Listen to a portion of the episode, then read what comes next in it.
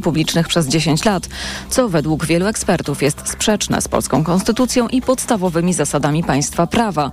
Po tej krytyce prezydent przygotował nowelizację ustawy, w której wykreślił najbardziej kontrowersyjne zapisy. Nie wiadomo jednak, czy i kiedy większość sejmowa będzie chciała zająć się jego projektem. Przedstawiciele organizacji młodzieżowych oczekują od polityków zamknięcia tematu list wyborczych i stworzenia planu dla młodych. Wystąpili z apelem do wszystkich partii opozycyjnych. Oczekują współpracy ponad podziałami, zarówno przed, jak i po wyborach i opracowania konkretnego planu spełnienia postulatów najmłodszych wyborców, wyjaśnia Kacper Parol z Fundacji Impuls. Dlatego dzisiaj mówimy, panie Donaldzie, panie Władysławie, panie Włodzimierzu, e, także panie Szymonie, dzisiaj dla nas dla nas, młodego pokolenia, ważne jest to, abyście jak najszybciej się dogadali. Energia marszu 4 czerwca powinna zostać wykorzystana do stworzenia konkretnej oferty dla najmłodszych wyborców, uważa aktywistka Zuzanna Karcz. Edukacja, e, kwe, wszystkie kwestie dotyczące praworządności nie zmienią się, jeżeli będziemy tylko walczyć o władzę, a nie o konkretne postulaty. Wśród nich są m.in. polityka klimatyczna, kryzys mieszkaniowy, walka z inflacją i sytuacja młodych na rynku pracy. Papież Franciszek dobrze zniósł zarówno operację jamy brzusznej, jak i narkozę. Czuje się dobrze i jest przytomny, informują lekarze z rzymskiej kliniki Gemelli. 86-letni papież przeszedł wczoraj zabieg laparotomii i operacji ściany brzucha z powodu przepukliny. Operacja trwała 3 godziny. Jak informują lekarze, teraz czas na kurację pooperacyjną, która ma potrwać około tygodnia. Papież przebywa obecnie w klinice. Rzecznik Watykanu Matteo Bruni powiedział, że prewencyjnie odwołano papieskie audiencje do 18 czerwca. Słuchasz informacji TOK FM. Szukasz pracy? Spójrz na mapę. Grodzki Urząd Pracy w Krakowie uruchomił internetowy serwis pomagający znaleźć oferty pracy blisko miejsca zamieszkania. A dzięki nowemu narzędziu wszyscy, którzy szukają pracy, mogą łatwo znaleźć interesującą ofertę w konkretnych miejscach, mówi Magdalena Żuchowicz z Grodzkiego Urzędu Pracy w Krakowie i dodaje, że to odpowiedź na oczekiwania tych, dla których lokalizacja firmy jest bardzo ważnym kryterium. Tak naprawdę odległość od miejsca zamieszkania to jest raz, ale też dobra infrastruktura otoczenia, sąsiedztwo żłobków, przedszkoli, chociażby sklepów, nawet urzędów czy innych instytucji sprawia, że poza wynagrodzeniem to ten czynnik może być właśnie decydującym, jeżeli chodzi o wybór miejsca pracy. Urzędowy serwis ma też dodatkowe funkcje, na przykład porównywarkę wyświetlającą średnią płacę krajową dla oferowanego stanowiska. Pogoda. Dziś najwięcej słońca w północnej połowie kraju, na południu już więcej chmur i miejscowych przelotnych opadów deszczu. Na południu i południowym wschodzie również możliwe burze, a na termometrach maksymalnie 20 stopni w Rzeszowie i Krakowie, 23 w Lublinie i Katowicach, 27 we Wrocławiu, Łodzi, Warszawie, Białymstoku i Gdańsku, 28 w Poznaniu i Szczecinie. Radio TOK FM. Pierwsze radio informacyjne. To jest powtórka. Agnieszka Lichnerowicz, serdecznie zapraszamy Państwa na światopodgląd, który zaczniemy od coraz bardziej wyraźnego kursu Gruzji, tudzież obecnie rządzącej Gruzją ekipy, coraz wyraźniejszego kursu, jak to się mówi, na wschód. W każdym razie zbliżania Gruzji do Rosji, co jest samo w sobie oczywiście ciekawym procesem i jakoś istotnym również z perspektywy e, Polski, ale ciekawym e, także, że rosyjska agresja z 22 roku ze względu na jej brutalność i niezgodność z prawem międzynarodowym, no spowodowała, że wiele państw, e, które były kiedyś zmuszone do bycia częścią Związku Sowieckiego, tym bardziej wybrało kurs na nieco większą asertywność i autonomię, a Gruzja odwrotnie do tego stopnia, że no, główny lider, tak chyba można mówić e, Gruzji w tej chwili, a więc nazwisko Iwaniszwili będzie zaraz wymieniane, albo już nawet jest wymieniane obok nazwiska Wiktora Orbana właśnie w tym ciągu, ale zaraz e, więcej dużo Państwu opowiem. Wojciech Jagielski, e, korespondent, dziennikarz obecnie związany z Tygodnikiem Powszechnym. W kontekście naszej rozmowy przypomnę, że ojciec, autor między innymi wszystkich wojen Lary i Dobrego miejsca do umierania. Dzień dobry Wojtku. Dzień dobry. w zasadzie tak krótko, ach, najważniejsze jeszcze, że to wszystko to, czego nie opowiemy Państwu na antenie, znajdziecie Państwo w tekście Wojciecha Jagielskiego w najnowszym numerze Tygodnika Powszechnego, który to tekst jest inspiracją do naszej rozmowy. No i w zasadzie wydaje się, że można, na ile uproszczę rzeczywistość, jeżeli powiem, że zbliżenie to wynika z interesów gospodarczych, być może elity również, ale i całego kraju. Po prostu Gruzja zarabia teraz na wojnie. E, jak zwykle w tym wszystkim i to wszystko, co powiedziałeś, się zgadza, a jednocześnie wydaje mi się, żeby sprowadzić to wszystko do, do, do, do jakby jednej odpowiedzi, do jednego wyjaśnienia, co sprawia, że Gruzja dzisiaj prowadzi taką, a nie inną politykę zagraniczną, no to jest to strasznie, e, strasznie byłoby e, mhm. strasznym uproszczeniem. Gruzini, czy rządzący w Gruzji odpowiedzieli, że kierują się wyłącznie dobrem i interesem Gruzji, Gruzinów, gruzińskiego państwa. Od samego początku, od wybuchu wojny w Ukrainie, Gruzja twierdzi, że owszem, będziemy głosować za sankcjami, jesteśmy za, ale tylko formalnie, bo nie możemy przystąpić do sankcji gospodarczych, gdyż na tym ucierpiałaby właśnie Gruzja, gruzińscy rolnicy, sadownicy, gruziński przemysł. Więc Gruzja do sankcji jako takich się nie przyłączyła. Formalnie tak, w praktyce y, Gruzini sprzedają wino do, do, do Rosji, handlują z Rosją. Oczywiście nie tymi towarami, które są na czarnych listach e, Unii Europejskiej, czy Stanów Zjednoczonych, czy Wielkiej Brytanii, ale mm, no właśnie tak. Druga sprawa to Gruzini powiedzieli, że nie dadzą się wepchnąć w tą wojnę z Rosją, dlatego że oni już wojnę z Rosją stoczyli, przegrali. Gruzja straciła dwie prowincje, Abchazję i Południową Osetię, których niepodległość samozwańczą Rosja uznała. Rosyjskie wojska stoją 40-50 kilometrów od stolicy gruzińskiej i gruzińskie władze mówiły, że Gruzji nie stać na to, żeby dać się wplątać w tą wojnę.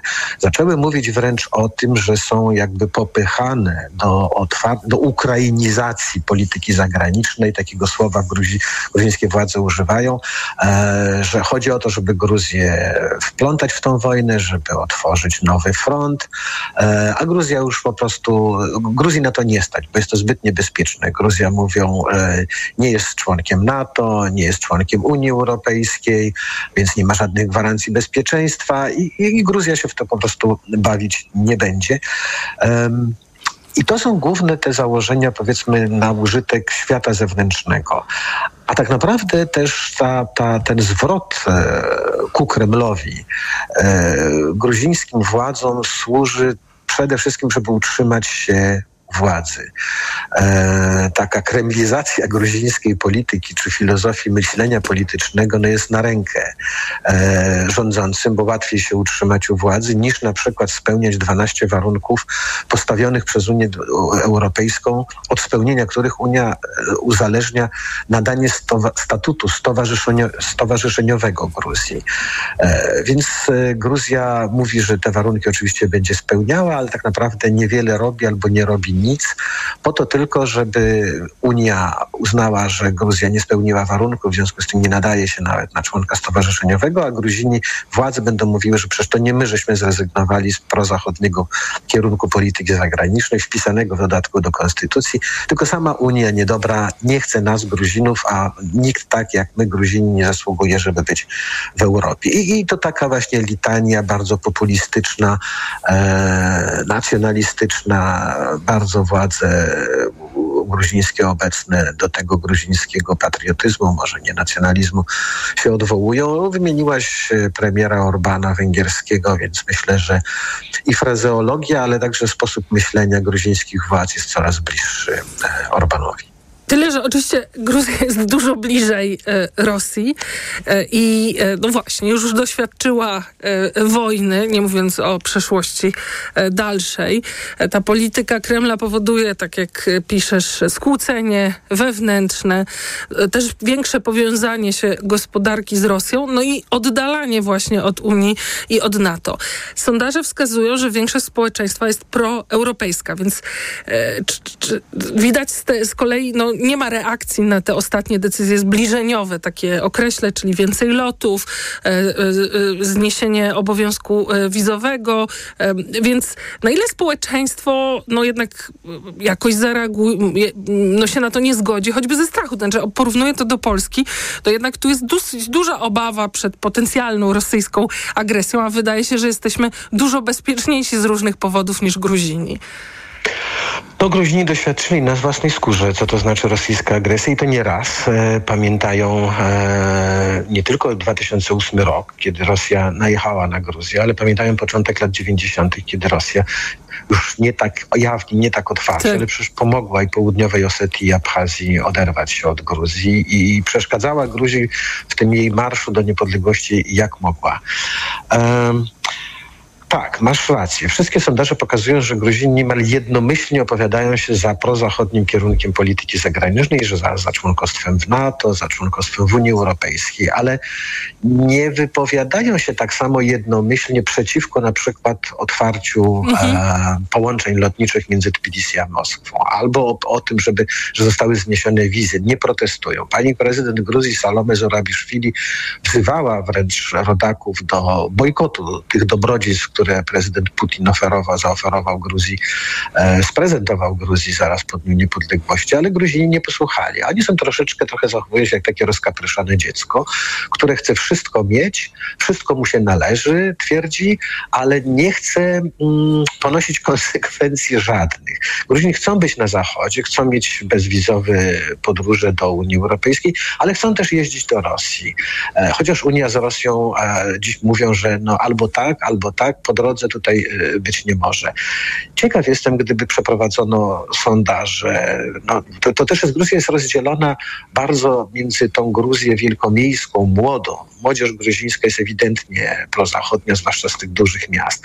Ale z drugiej strony w Gruzji no, można od paru ładnych lat obserwować taki renesans e, prawicowego nacjonalizmu, bo to już jest nacjonalizm, to już nie jest patriotyzm ko Kościół, cerkiew gruzińska odegrała w tym wszystkim ogromną rolę. Cerkiew gruzińska e, jest siłą niezwykle wpływową w Gruzji, zwłaszcza w Gruzji rządzonej przez e, dzisiejszy rząd e, gruzińskiego marzenia.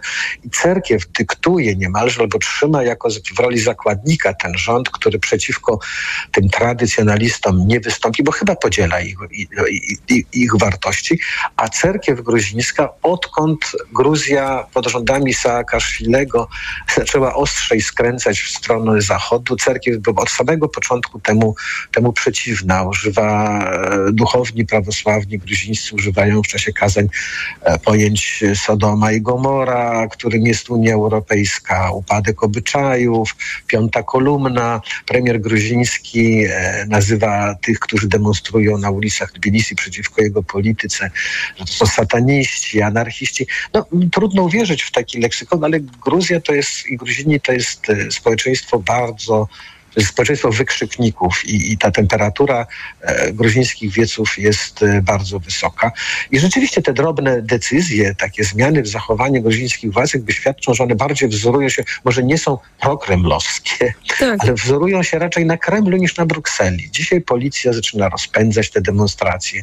Ci młodzi ludzie, którzy wychodzą pod parlament są aresztowani, e, grożą im wysokie wyroki, tłumiona jest wolność słowa, niezależność mediów. To jest takie jakby nauczki kremlowskie, a nie, a nie, a nie, a nie brukselskie. I, I, z tego wszystkiego rzeczywiście Gruzja może odnieść korzyść gospodarczą na dziś, na jutro, ale drogę na zachód bardzo sobie utrudni, oddali. Myślę, że będzie miała dalej niż jej sąsiedzi Azerbejdżan i Armenia, które przecież były outsiderami w porównaniu z Gruzją w tym wyścigu na zachód. Bardzo to ciekawe, ale też e, pewnie, no tak, jakoś niepokojące. Dużo więcej doczytacie Państwo w tekście Wojciecha Jagielskiego w najnowszym numerze Tygodnika e, Powszechnego. Odlot do Moskwy to tytuł tekstu. E, bardzo Ci za rozmowę dziękuję. To jest powtórka.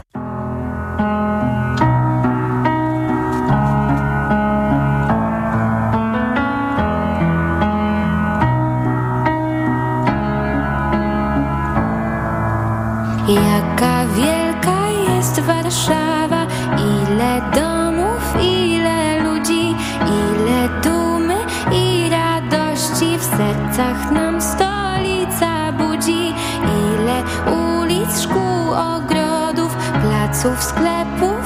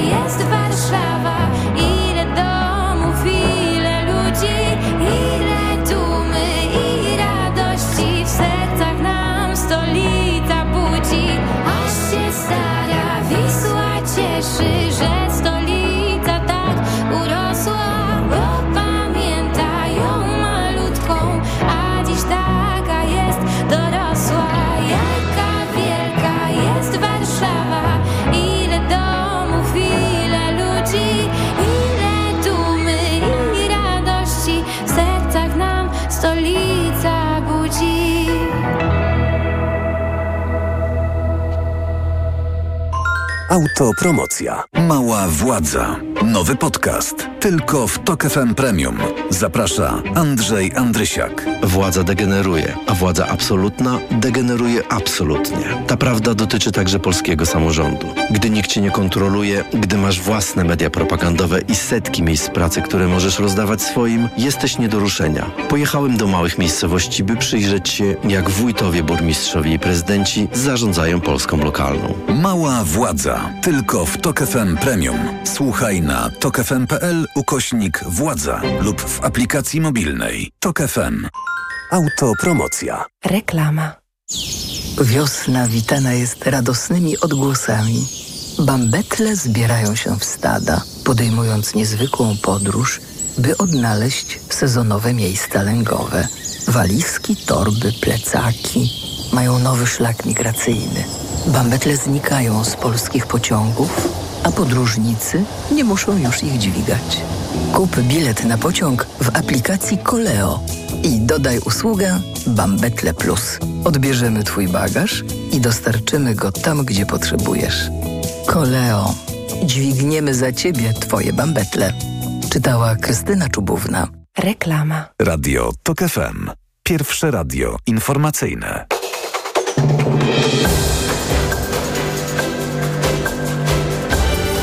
Siódma dwadzieścia. Agnieszka Lipińska.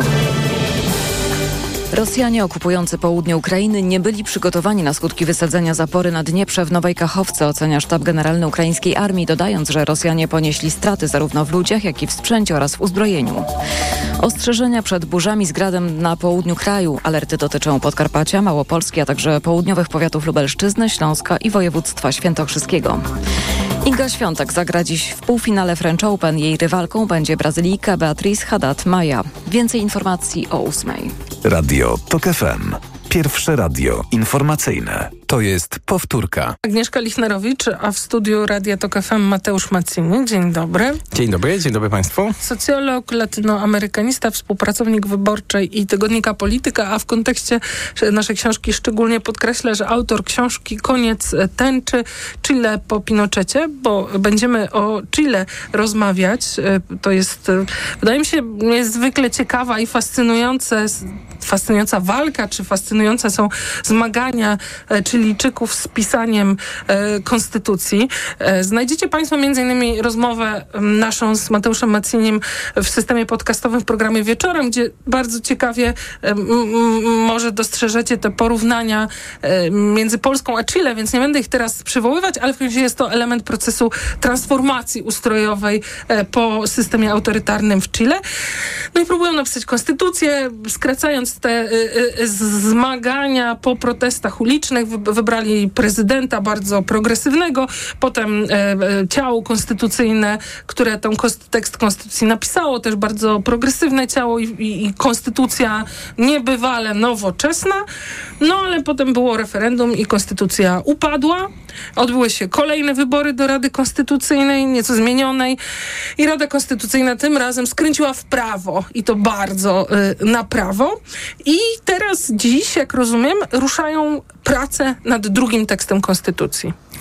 Tak, i myślę, żeby oddać dobrze ducha tego, co się wydarzyło w Chile przez ostatni miesiąc, bo tu mówimy o tych wyborach z 7 maja, czyli no niecały miesiąc e, od na, naszej rozmowy, no to myślę, że stwierdzenie skręciła w prawo w ogóle nie oddaje skali zmiany, dlatego że te ostatnie trzy lata procesu transformacyjnego, procesu konstytucyjnego w Chile to jest pasmo ogromnych i też jednoznacznych triumfów e, progresywnej lewicy, ale też takiej lewicy pozaparlamentarnej, aktywistycznej, miejskiej, zorientowanej na klimat, zorientowanej bardziej na tożsamość niż na takie tradycyjne jeszcze, powiedzielibyśmy, nie wiem, zimnowojenne nawet postulaty lewicowe, gdzieś związane z y, warunkami pracy, y, z kwestiami materialnymi. Rzeczywiście 2019 rok to są te protesty, one szybko doprowadzają do upadku y, rządu ówczesnego prezydenta konserwatysty Sebastiana Piniery. Mamy zgodę na, nowe, na nową konstytucję, wybieramy nową konstytuantę, tam przygniatającą większość mają właśnie te nowe ruchy lewicowe, nawet nie te stare partie socjalistyczne. Ta konstytucja upada 4 e, września zeszłego roku. E, upada 60-kilkuprocentową e, przewagą, czy 60 kilka procent Chilijczyków ją odrzuca w referendum. Dlaczego upada? No to w dużym skrócie jest zbyt skomplikowana, jest niewyjaśniona obywatelom, ma, jest bardzo dużo fake newsów i jakiejś szkodliwej propagandy wokół niej, no ale też przede wszystkim ona troszeczkę za późno, czy nawet bardzo za późno się pojawia w kwestii tych protestów z 2000 2019 roku tam ten entuzjazm społeczny się wyczerpuje. Okienko było mniejsze. Okienko, jak się okazuje, było dużo krótsze niż się y, tej lewicy y, wyda wydawało. Do tego jeszcze dzisiaj pewnie wrócimy w y, rozmowie, natomiast teraz rzeczywiście mamy do czynienia z drugim podejściem, bo warto powiedzieć, że natychmiast wtedy 4 września, kiedy Chilijczycy odrzucałem projekt konstytucji, wychodzi też exit poll z innym pytaniem, czy nadal chce pan, pani nowej chilijskiej konstytucji. Tam 62% Chilijczyków mówi, że tak, tak? Czyli jest chęć zmiany, tylko nie takiej zmiany, jaka nam została zaproponowana. No i rzeczywiście ten proces toczy się dalej. I wychylenie z lewa teraz e, e, e, wychyla no poza się skalę w właściwie. W prawo, poza, poza skalę. skalę. Dlatego, że 35%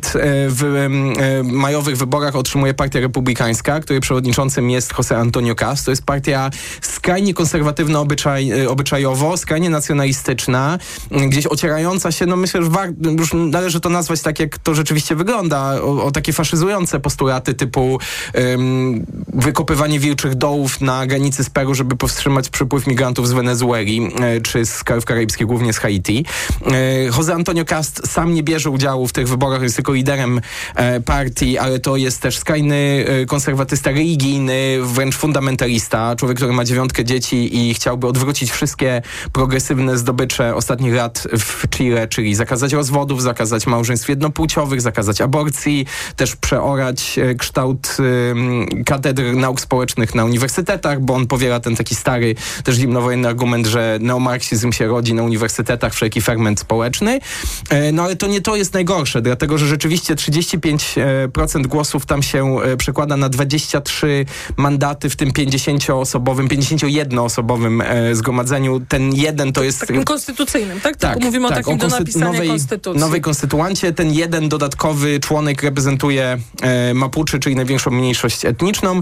No ale to już jest powyżej progu weta, tak? Więc każde, każdy każdy postulat, który druga w wyborach lewica, która miała nieco ponad 28% i ma e, 16 miejsc wyprodukuje, no on może zostać właściwie natychmiast, um, natychmiast e, wyrzucony przez okno przez skrajną prawicę. Natomiast trzecie miejsce, jeszcze w tym wszystkim, w całej tej y, układance, y, zajmuje dawna centroprawica, czyli taka prawica głównego nurtu, z której się wcześniej wywodził właśnie e, Piniera e, i razem, jeżeli sumować te dwa bloki, no to jest prawica skrajna i prawica troszkę mniej skrajna, 34 na 51 e, miejsc, no to to już jest I nawet się, nie weto. To właśnie czego się po nich spodziewać, od, od, nawet odkładając na chwilę fakt, że Partia Republikańska, czyli ta większość najsilniejsza teraz nie chciała zmieniać konstytucji, tej, która jest jeszcze z czasów Augusto Pinocheta, czyli takiego dyktatora prawicowego, neoliberalnego, więc co oni mogą wyprodukować, czego się po nich spodziewać? No już, już mamy e, pierwszy draft. E, właśnie przed wejściem do studia jeszcze czytałem depeszę Bloomberg Bloomberga na ten temat, dlatego że tym razem ten proces jest troszeczkę inny. Jest bardzo mało informacji. E, Jest bardzo mało informacji, dlatego że ten proces został skrócony e, i ograniczony pod względem jego uczestników. Wcześniej rzeczywiście te deliberacje trwały rok. E, ta pierwsza konstytuanta miała 150 członków. To się potem skończyło dużą katastrofą dla lewicy, bo te różne małe ugrupowania lewicowe nie potrafiły ani się między sobą poroz, porozumieć, ani też w jakiś sposób unormować swojego zachowania w Rzecz tej... o tym, że demokrację też trzeba dobrze zaplanować Tak. Ale też trzeba umieć się w niej odnaleźć, bo to rzeczywiście był taki klasyczny problem e, miejskich aktywistów czy, czy, czy liderów ulicznych, tak kolokwialnie byśmy powiedzieli, którzy potem na tej scenie parlamentarnej, w normach, procedurach niekoniecznie się umieli e, odnaleźć. E, teraz mamy troszeczkę inny proces, dlatego że najpierw jest grono ekspertów wyłonione z kongresu, a w kongresie prezydent Boric i ta progresywna lewica też nie ma większości, to warto podkreślić.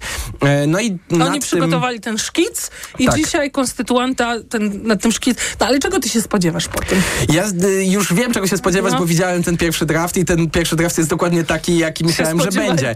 E, Myślę, że najlepiej to podsumowuje wypowiedź Jose Antonio Castro z grudnia ubiegłego, ubiegłego roku, w którym on publicznie powiedział, Chile nie potrzebuje nowej konstytucji, więc teraz mamy sytuację absolutnie paradoksalną od 7 maja, no bo w grudniu, kiedy będzie kolejne referendum, już zaplanowane, czyli też mniej niż rok e, poprzednio, no to Chilijczycy będą musieli wybrać pomiędzy skrajnie prawicową, starą konstytucją Pinocheta, która jest po prostu neoliberalna, oraz nowym tworem, który im przygotuje prawica w porozumieniu ze skrajną prawicą, które mówi, że nie potrzebuje nowego dokumentu. No i już wiemy, że w tym drafcie eksperckim, dzisiaj przedłożonemu, przedłożonym e, konstytuancie, nie ma ani słowa o tych progresywnych postulatach, które miały, by zostały zapisane w zeszłym roku. To znaczy, że oni napiszą taką, powiedzmy, konserwatywno-narodową konstytucję, czy ją tak badziewnie napiszą, że zostanie odrzucona w referendum, czy co? Myślę, że na dłuższą metę niewiele to zmienia w ogóle, dlatego że ten draft, jakiś draft musi powstać, bo to referendum się musi zmaterializować i prawdopodobnie to będzie e, absolutne zabetonowanie tej doktryny neoliberalnej, czyli brak naruszenia e, praw. Ty zawsze przytaczasz tam e, prawo do prywatyzacji wody. Jako Mhm. tak, to jest mój ulubiony symbol. przykład, dlatego że to nie istnieje nigdzie indziej na świecie, że m, chilijska konstytucja e, od 40 lat uznaje wodę za dobro urynkowione. Tak? To, nie jest, nie chodzi o prawo do wody, tylko prawo do handlu wodą. Tak? Że można po prostu te koncesje nabyć od państwa za śmieszne że pieniądze. ko- korporacje surowcowe e, już grzeją się na lit i No właśnie na surowce. niekoniecznie, dlatego że LID został znacjonalizowany poza tym dyskursem konstytucyjnym, e, ale to też wychylając je w przyszłość, czyli bieżące prywatne kontrakty zostaną takie, jakie są, natomiast te w przyszłości już będą musiały iść przez e, administrację rządową. Tu mieliśmy y, grożenie palcem ze strony azjatyckich korporacji, które mówiły, że no nam się nie podoba to, że to tak musi wyglądać, e, aczkolwiek e, Boric, prezydent Boric ma nadzieję, że jednak e, do jakiegoś dialogu dojdzie. Ten draft, o którym mówiliśmy na początku, to jest, e, już widzimy, e, wyrzucenie tej najbardziej chyba progresywnej idei z poprzedniego projektu, czyli pełnego parytetu na wszystkich szczeblach administracji i też w partnerstwie publiczno-prywatnym. Tego nie ma. Nie ma ani słowa o prawach mniejszości seksualnych, nie ma ani słowa o prawach mniejszości etnicznych, nie ma prawie nic o klimacie. O rdzennych, o mapuczach. A o Mapuczach ani pozostałych mniejszościach też nie, E, więc e, nie ma absolutnie śladu po tej idei jakiejś progresywnej rewolucji czy progresywnej nowej idei społecznej. Ten projekt jest krótszy, bo oryginalny miał 162, ten ma 126 stron i No a właśnie prawdopodobnie... jakaś kwestia klimatyczna. Mówimy, też mówiłeś tutaj w Radiu Tok FM, państwo znajdziecie te rozmowy. No Chile ma potężny problem z suszą. Na- To jest już wieloletni problem. No, 15 rok z rzędu w tej chwili, tak. No i rozumiem, że, że to nie jest y, jakiś To nie jest w ogóle brane pod uwagę na poziomie konstytucyjnym e, i... Bo w poprzedniej, tej progresywnej było, jak po, w najbardziej. poprzedniej było i z punktu widzenia inżynierii politycznej, czy jakiejś mechaniki politycznej, to ja nawet postawię taką kontrowersyjną tezę, że y, to działa na korzyść tej partii republikańskiej skrajnej prawicy, dlatego że oni naprawdę starają się jak najmniej rzeczy wpisać do tego procesu konstytucyjnego, bo dzięki temu upraszczają przekaz, a sobie na wypadek przejęcia władzy w przyszłości zostawiają większy margines do tego, żeby w bieżącej polityce dzień po dniu tak to kształtować, jak im będzie w danym momencie pasowało. To, czyli koniec y, tego eksperymentu z nową konstytucją? Ja się nie pokuszę o taką Mhm. tezę, że to jest koniec, dlatego że czy koniec y, się zmaterializuje, będziemy wiedzieć w grudniu, no bo mm, różnie to jeszcze może e, przebiegać. Natomiast myślę, że to jakby pokazuje Bo to... powiedzmy, że, Mhm. że wściekłość, no właśnie na, na te paradygmaty, na tą starą konstytucję, niezałatwione sprawy, nierozliczone sprawy, no doprowadziła do wyjścia, już nie pamiętam, ale to były setki tysięcy ludzi. 3 miliony. 3 miliony w szczycie protestów, I tak? To jest ludzie prawie tak, jakby są. było 7 milionów ludzi na ulicach w Polsce przez miesiąc. To jest taka skala. No i oni, rozumiem, dalej są sfrustrowani. Tak, ale ja tutaj przytoczę kilka, kilka y, danych, które pokazują, że ten y, proces trochę nabrał innych kształtów, dlatego że y, o tyle, o ile w 2019 czy 2020 roku mieliśmy do czynienia z taką bardzo dużą jednością społeczną, bo to były wszelkie klasy społeczne, to też szło ym, na przekrój y, wiekowy, to nie, były, tylko- nie byli tylko młodzi, to nie byli tylko wykluczeni, to byli też starsi ludzie z klasy średniej, po prostu takie konstruktywne wotum nieufności dla całej klasy politycznej po 1989 roku. Dzisiaj, jak sprawdzałem dane, no to już w tej chwili, pod koniec maja 46% e, Chilijczyków deklarowało, że odrzuci nową konstytucję, a jeszcze nie było tego draftu, więc oni w ciemno mówili, że, że tej nowej konstytucji napisanej przez prawicę nie będą chcieli. E, Natomiast ważne jest, e, 34 powiedziało, że zagłosuje w ciemno za, czy zagłosowałoby za bez draftu, 20% powiedział, że jest niezdecydowane. I to jest kluczowa dana, dlatego że ona pokazuje, e, jak bardzo się polaryzuje to społeczeństwo. Przy pierwszym e, projekcie, e, w tych dwóch miesiącach między pokazaniem go w lipcu ubiegłego roku, a głosowaniem we wrześniu, liczba niezdecydowanych dochodziła do 45%. Mhm. Więc teraz obie te części się okopały, środek znowu się kurczy i dialog społeczny Możemy się postawić trzy ogranicza. kropki o polaryzację, to my dosyć dobrze jej mechanizmy w Polsce rozumiemy. Bardzo Ci dziękuję za rozmowę. Mateusz Mazzini, e, socjolog, latynoamerykanista, autor książki Koniec tęczy Chile po Pinochecie był Państwa gościem. Bardzo dziękuję. To jest powtórka.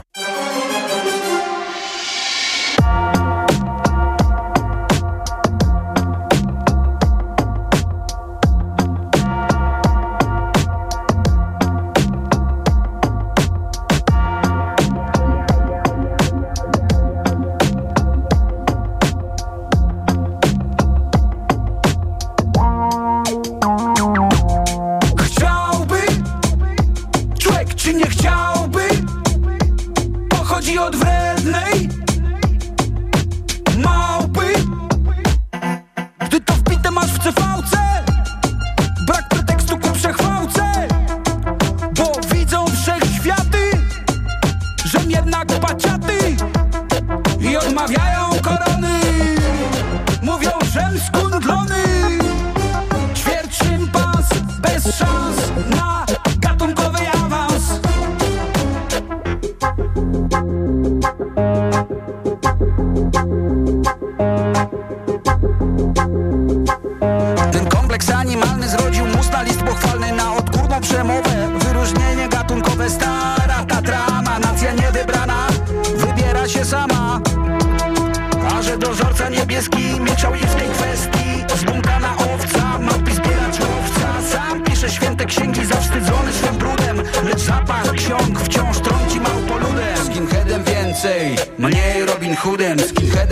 więcej, mniej Robin Hoodem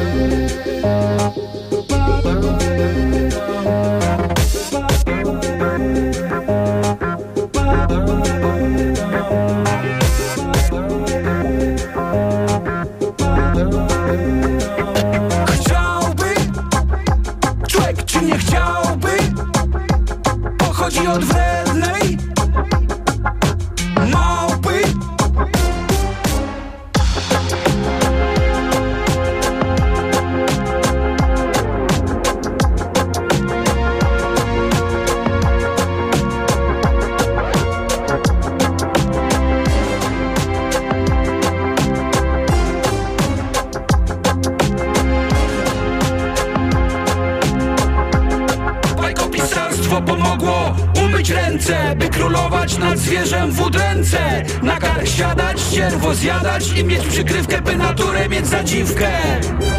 Król Maciuś pierwszy już dawno nie ma wszy. I włada, włada, włada, włada, włada by. W ludzką rodzinę nie godziła ta bakteria.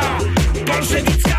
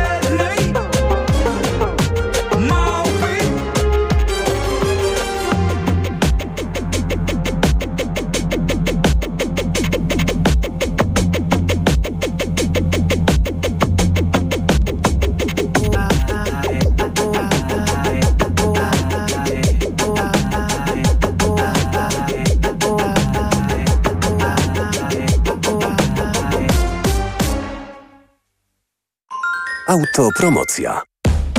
Dołącz do subskrybentów Tok FM Premium. Słuchaj swoich ulubionych audycji i podcastów Tok FM, których nie usłyszysz na naszej antenie. Słuchaj wygodnie, gdziekolwiek jesteś. Zawsze, gdy masz na to ochotę. Wykup dostęp do Tok FM Premium. Zapłać 150 zł i korzystaj przez cały rok. Szczegóły oferty znajdziesz na tokefm.pl. Autopromocja. Reklama. Uwielbiam to uczucie. Chciałabym, żeby trwało bez końca. Tak wyjątkowo czuję się tylko w Lexusie UX. Stylowy crossover Lexus UX otula mnie komfortem i imponuje najnowocześniejszymi technologiami. Teraz Lexus UX już od 139 500 zł. Szczegóły na lexusmyślnikpolska.pl Lexus. Elitarny w każdym wymiarze. Nosowska, Mrozu, BDOS, Margaret, Tymek, Rubens i inni. 12 koncertów, pyszne jedzenie i piknik w parku. Co jest grane festiwal? 16-17 czerwca, Warszawa, Wawelska 5. Dawna Skra. Bilety na Going Up, e-bilet, biletomat i ticket. Tylko teraz w sklepach stacjonarnych Neonet rewelacyjna promocja na wszystkie sprzęty do zabudowy. Drugi produkt aż 50% taniej. Kup dwa dowolne produkty do zabudowy i już dziś ciesz się nowoczesnymi rozwiązaniami w Twojej kuchni. Wybieraj spośród wszystkich piekarników, płyt, okapów, lodówek i zmywarek do zabudowy dostępnych w sklepach stacjonarnych Neonet. Tak, tylko teraz. Drugi produkt do zabudowy aż 50% taniej. Neonet. Porozmawiajmy o dobrych ofertach. Reklama. Radio Tok FM. Pierwsze radio informacyjne.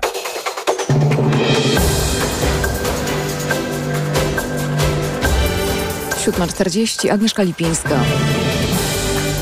37 chińskich samolotów naruszyło strefę obrony powietrznej Tajwanu. Do incydentu, jak poinformowało Ministerstwo Obrony w Tajpej, doszło dziś wcześnie rano czasu lokalnego. W odpowiedzi Tajwan wysłał swoje samoloty i okręty w celu monitorowania chińskich maszyn. Prezydent Francji Emmanuel Macron zapowiedział wysłanie w ciągu najbliższych godzin pomocy dla Ukrainy po zniszczeniu tamy na Dnieprze w Nowej Kachowce. Wczoraj Macron rozmawiał telefonicznie z ukraińskim prezydentem Wołodymyrem Zełęńskim. A wieczorem Rosjanie ostrzelali Ukraińsk w obwodzie donieckim. Lokalne władze przekazały, że w wyniku ataku zginęły trzy osoby, trzy kolejne zostały ranne. Wśród ofiar są dzieci. Więcej informacji o ósmej. Radio Tok FM.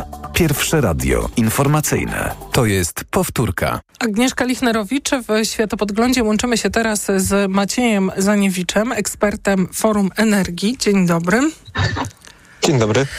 Chciałabym, byśmy porozmawiali o konsekwencjach e, czy wyzwaniach związanych z rosyjską zbrodnią wojenną, jak, się, jak o tym mówią przedstawiciele instytucji europejskich, ale też sami Ukraińcy, czyli o wysadzeniu tamy w Nowej e, Kachowce. Wiemy, że ocena strat, tak e, ocenił prezydent Zoński, będzie znana za jakiś tydzień. Wiemy, że oprócz tego, że konieczne są ewakuacje, że e, niszczone są domy, że giną zwierzęta, mm, to tama, czy zniszczenie tej tamy zagraża też na przykład 500 tysiącom hektarów pól uprawnych e, w e, Ukrainie, ale z Maciejem Zaniewiczem z Forum Energii będziemy rozmawiać właśnie o konsekwencjach, jakie, jakie to ma dla e, systemu e, energetycznego. Zacznę od e, tego wątku, który od samego początku, czy od tego, od 24 lutego 22 roku budzi bardzo duże niepokoju w całym świecie, czyli o to, jakie znaczenie to ma, czy jak bardzo to zagraża e, największej elektrowni atomowej w Europie, czyli e, elektrowni nuklearnej w e, Zaporożu, która no, potrzebuje wody i używa e, wody, używała wody z tamy do chłodzenia reaktorów. Na ile ta sytuacja jest zabezpieczona? Tak, rzeczywiście um, tama kachowska, zapora kachowska spiętrzała wodę na zbiorniku kachowskim, który był wykorzystywany przez zaporowską elektrownię jądrową do chłodzenia reaktorów.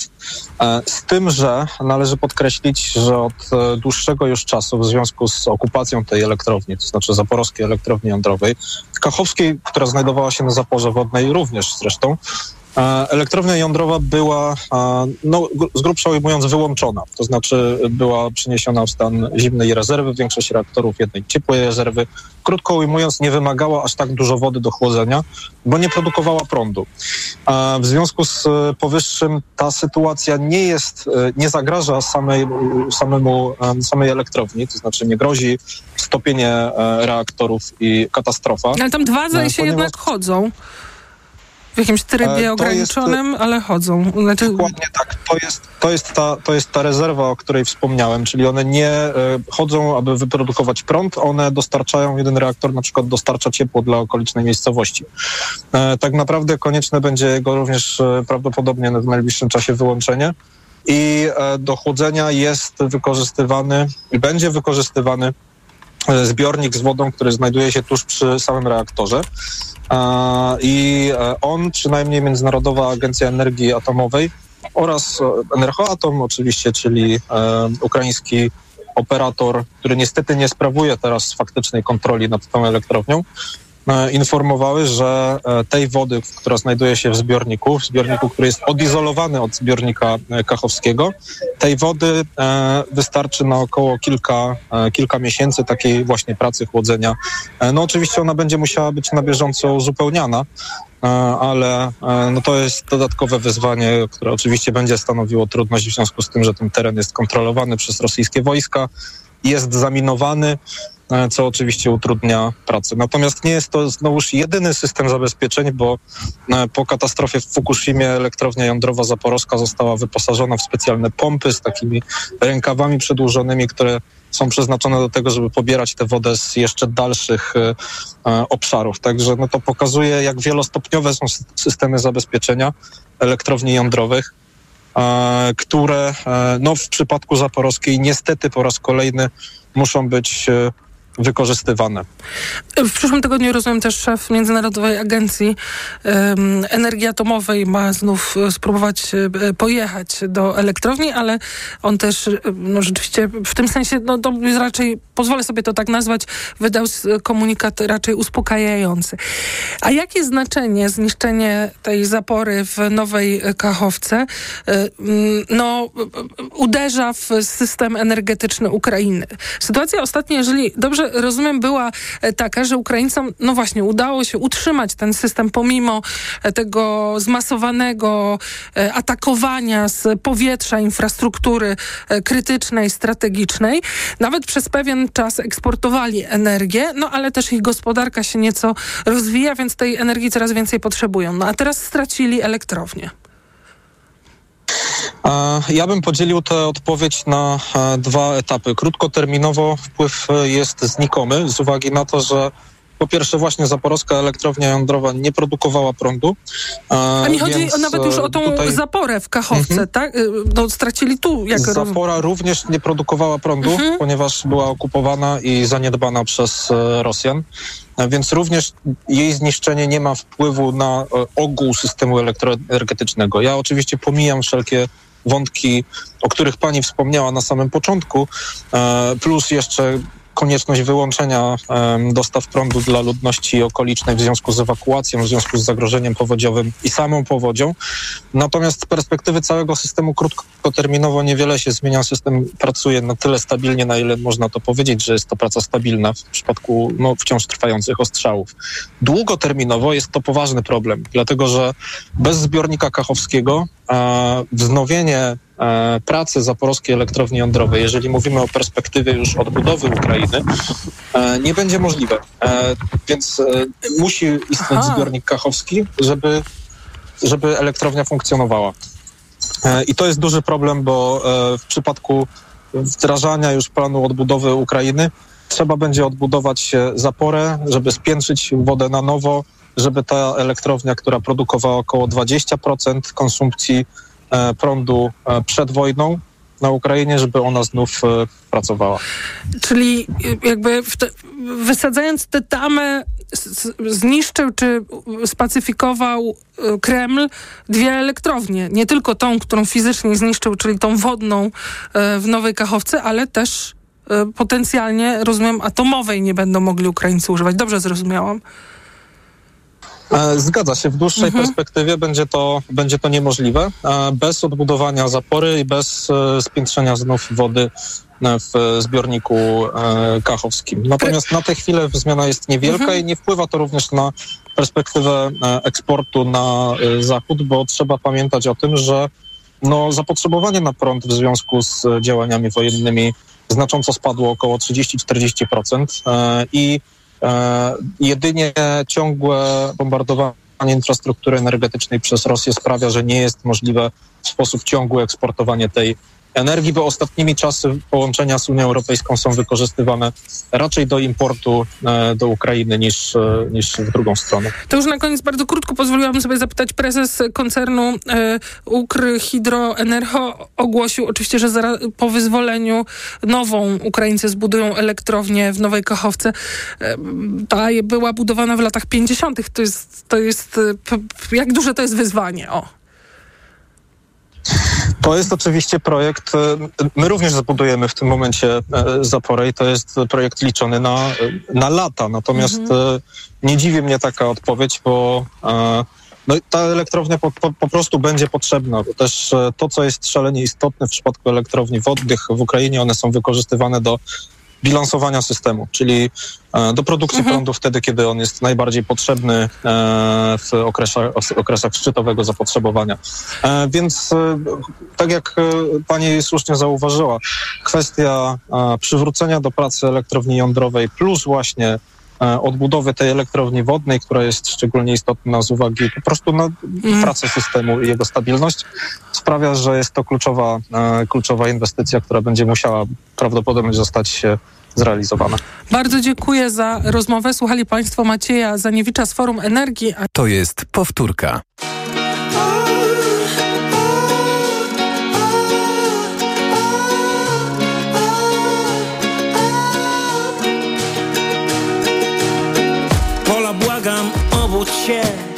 Sen o potędze skończył się.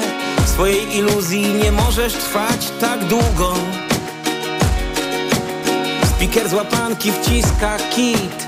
Rozbudza narodowy mit. On nic nie znaczy, jesienno jest szarugą. A ty masz swoje troski. Twój świat nie jest boski.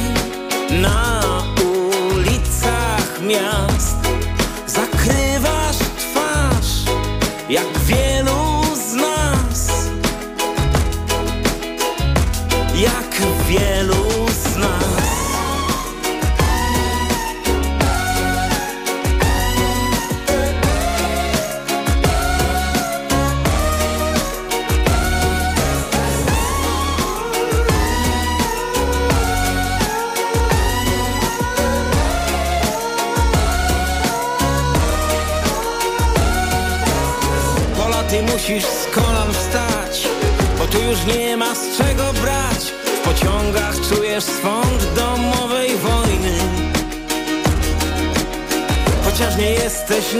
piękniejsza I na wybiegach masz gorsze miejsca na kontynencie Czy jest ktoś tak samotny? Bo ty masz swoje troski, twoje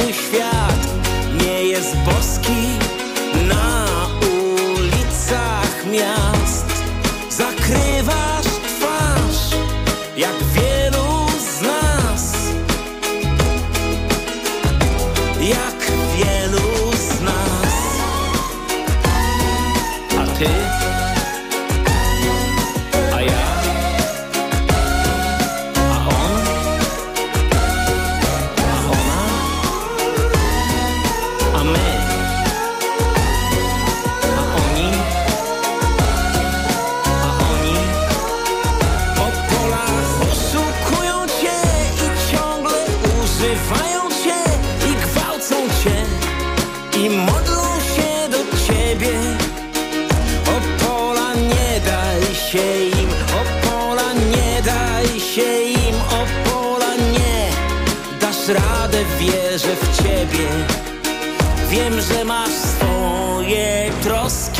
świat nie jest boski na ulicach miast. Zakrywasz twarz, jak wielu z nas.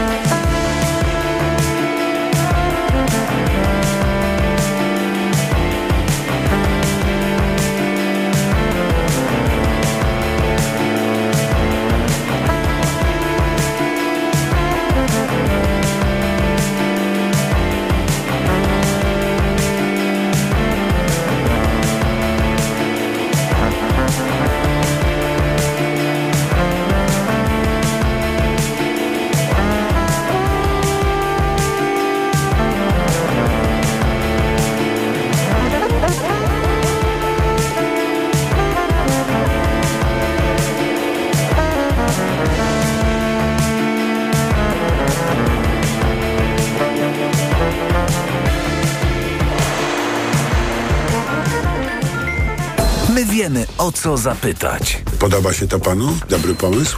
To jest ym, pomysł na zmianę języka, logiki, polityki. Ma pan wizję? Czy to będzie poparcie moralne i polityczne tylko? A audyt już jest? Sprawdź, czy oni wiedzą,